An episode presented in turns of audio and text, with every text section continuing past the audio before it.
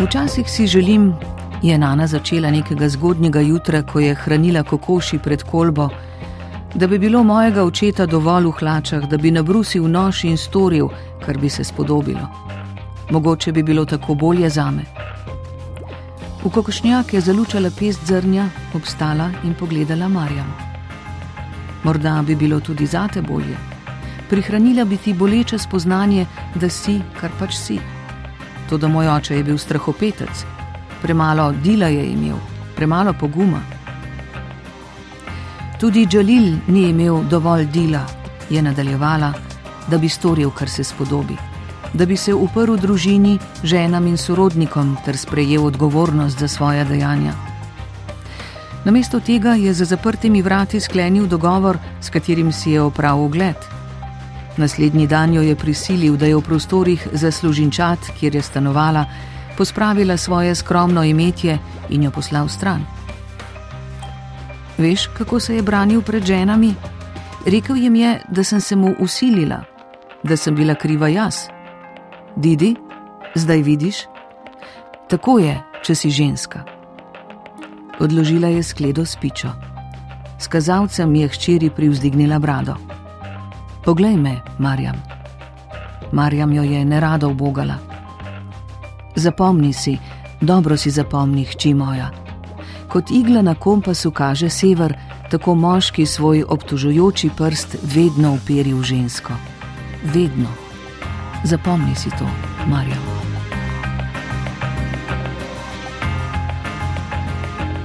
Brutalnost ženske realnosti v Afganistanu.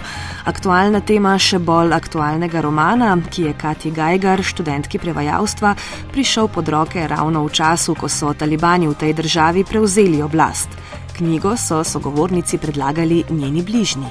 Na bralnem klubu, ki ga obiskujem, sem prišla na vrsto, da predlagam knjigo, ki jo bomo naslednjič obravnavali. In sem takoj vprašala moje najbližje, da mi povejo predloge, katera knjiga bi bila zanimiva za debato.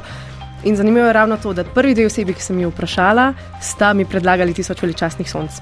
S tem, da je bila ena od teh dveh oseb tudi moja takratna cimra, ki je fizično kopijo imela v stanovanju, tako da mi jo je kar takoj dala v roke, jaz sem jo predlagala na bralnem klubu in posledično prebrala.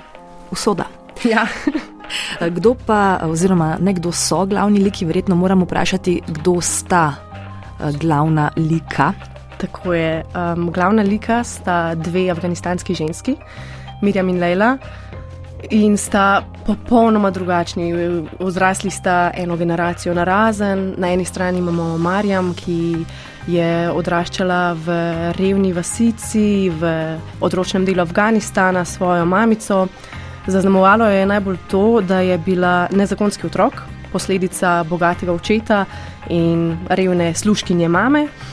In to je bila zelo velika stigma, seveda je pa oče na no, vsake toliko prišel obiskati, prinesel darila, polno iluzij, kako bo odraščala, tako da je imela kar visoka pričakovanja zase. Za prihodnost. Za prihodnost, sploh, da bo izobražena in ne vem kaj še vse. No, potem je pa mami to idejo takoj zatrla v kali in je rekla, da edina stvar, ki jo potrebujejo ženske in njunega statusa, je to, da se naučijo, kako trpeti. No, kmalo zatem njena mama v določenih okoliščinah umre in njenemu očetu Dželilu ne preostane drugega v narekovajih, kot da to zelo mlado deklico poroči in tako pride v Kabul.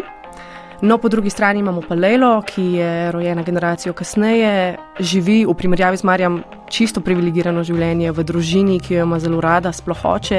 Njen oče je pa tudi učitelj, tako da si od hčerke želi, da bo izobražena, kar seveda je lahko, ker odrašča v obdobju, ko dekli se lahko hodijo v šolo.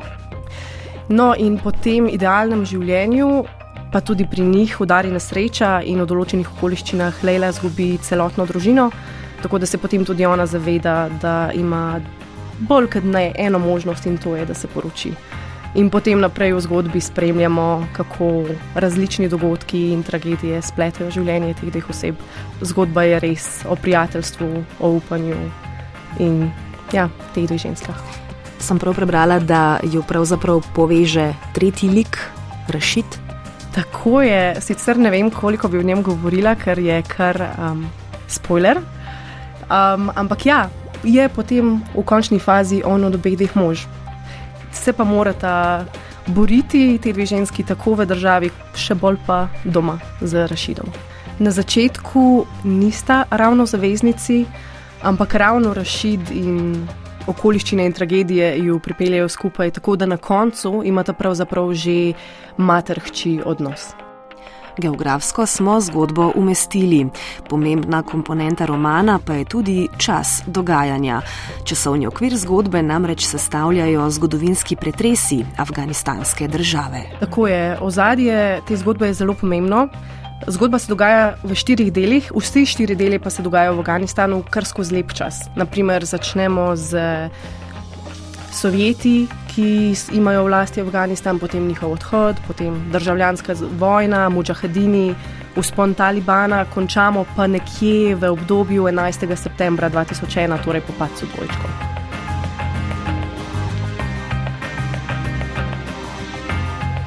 Slog pisanja je dokaj preprost. Ni nobenih težkih besed, večjih sopomenk in tako naprej. Ampak glede na to, da pisatelj tako doživeto opisuje in nam res oriše oba karakterja, zgodovino Afganistana in tako naprej, niti ne potrebuje nekih, kaj pa vem, hudih postopkov. Tako da ja, preprosto, ampak zelo doživeto. Je pa avtor pravzaprav uh, pred to knjigo že imel eno veliko uspešnico? Ja, res je. Njegov prvenec je tek za zmajem.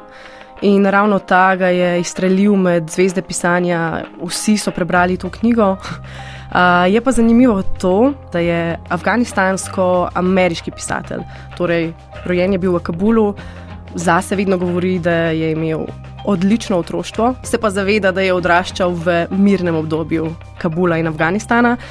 In zaradi očetove službe so se potem preselili v Pariz, sicer so se nameravali vrniti v Afganistan, ampak so Sovjeti takrat prišli v državo in so se zato odločili, da bodo šli v Ameriko. No, tam je pa on nikoli ni rekel, da bo pisatelj, celo izobrazil se je za uh, zdravnika in je tudi bil zdravnik. Ampak potem je med tem, ko je imel prakso, je napisal ta njegov prevenec in potem se je odločil, ker je njegova knjiga tako ogromno pohval požela, da bo pač postal pisatelj in je tudi napisal, začel pisati um, Tisoč veličastnih sonc. Pa kot zanimivost lahko še povem, da je naredil eno zanimivo raziskavo in sicer po letih, odkar ni bil v Kabulu, se je vrnil nazaj. In potem spraševal ženske tam o njihovi tragediji, o njihovi zgodbi, kaj so videli v Afganistanu, kje vidijo, da Afganistan bo, kaj so njihove želje. In na podlagi tega je potem napisal naše dva glavna karakterja. Najbolj pretresljivo je, da ženske v Afganistanu opisane zgodbe živijo še danes, da opisana lika najverjetneje tudi prav zares obstajata, razmišlja sogovornica.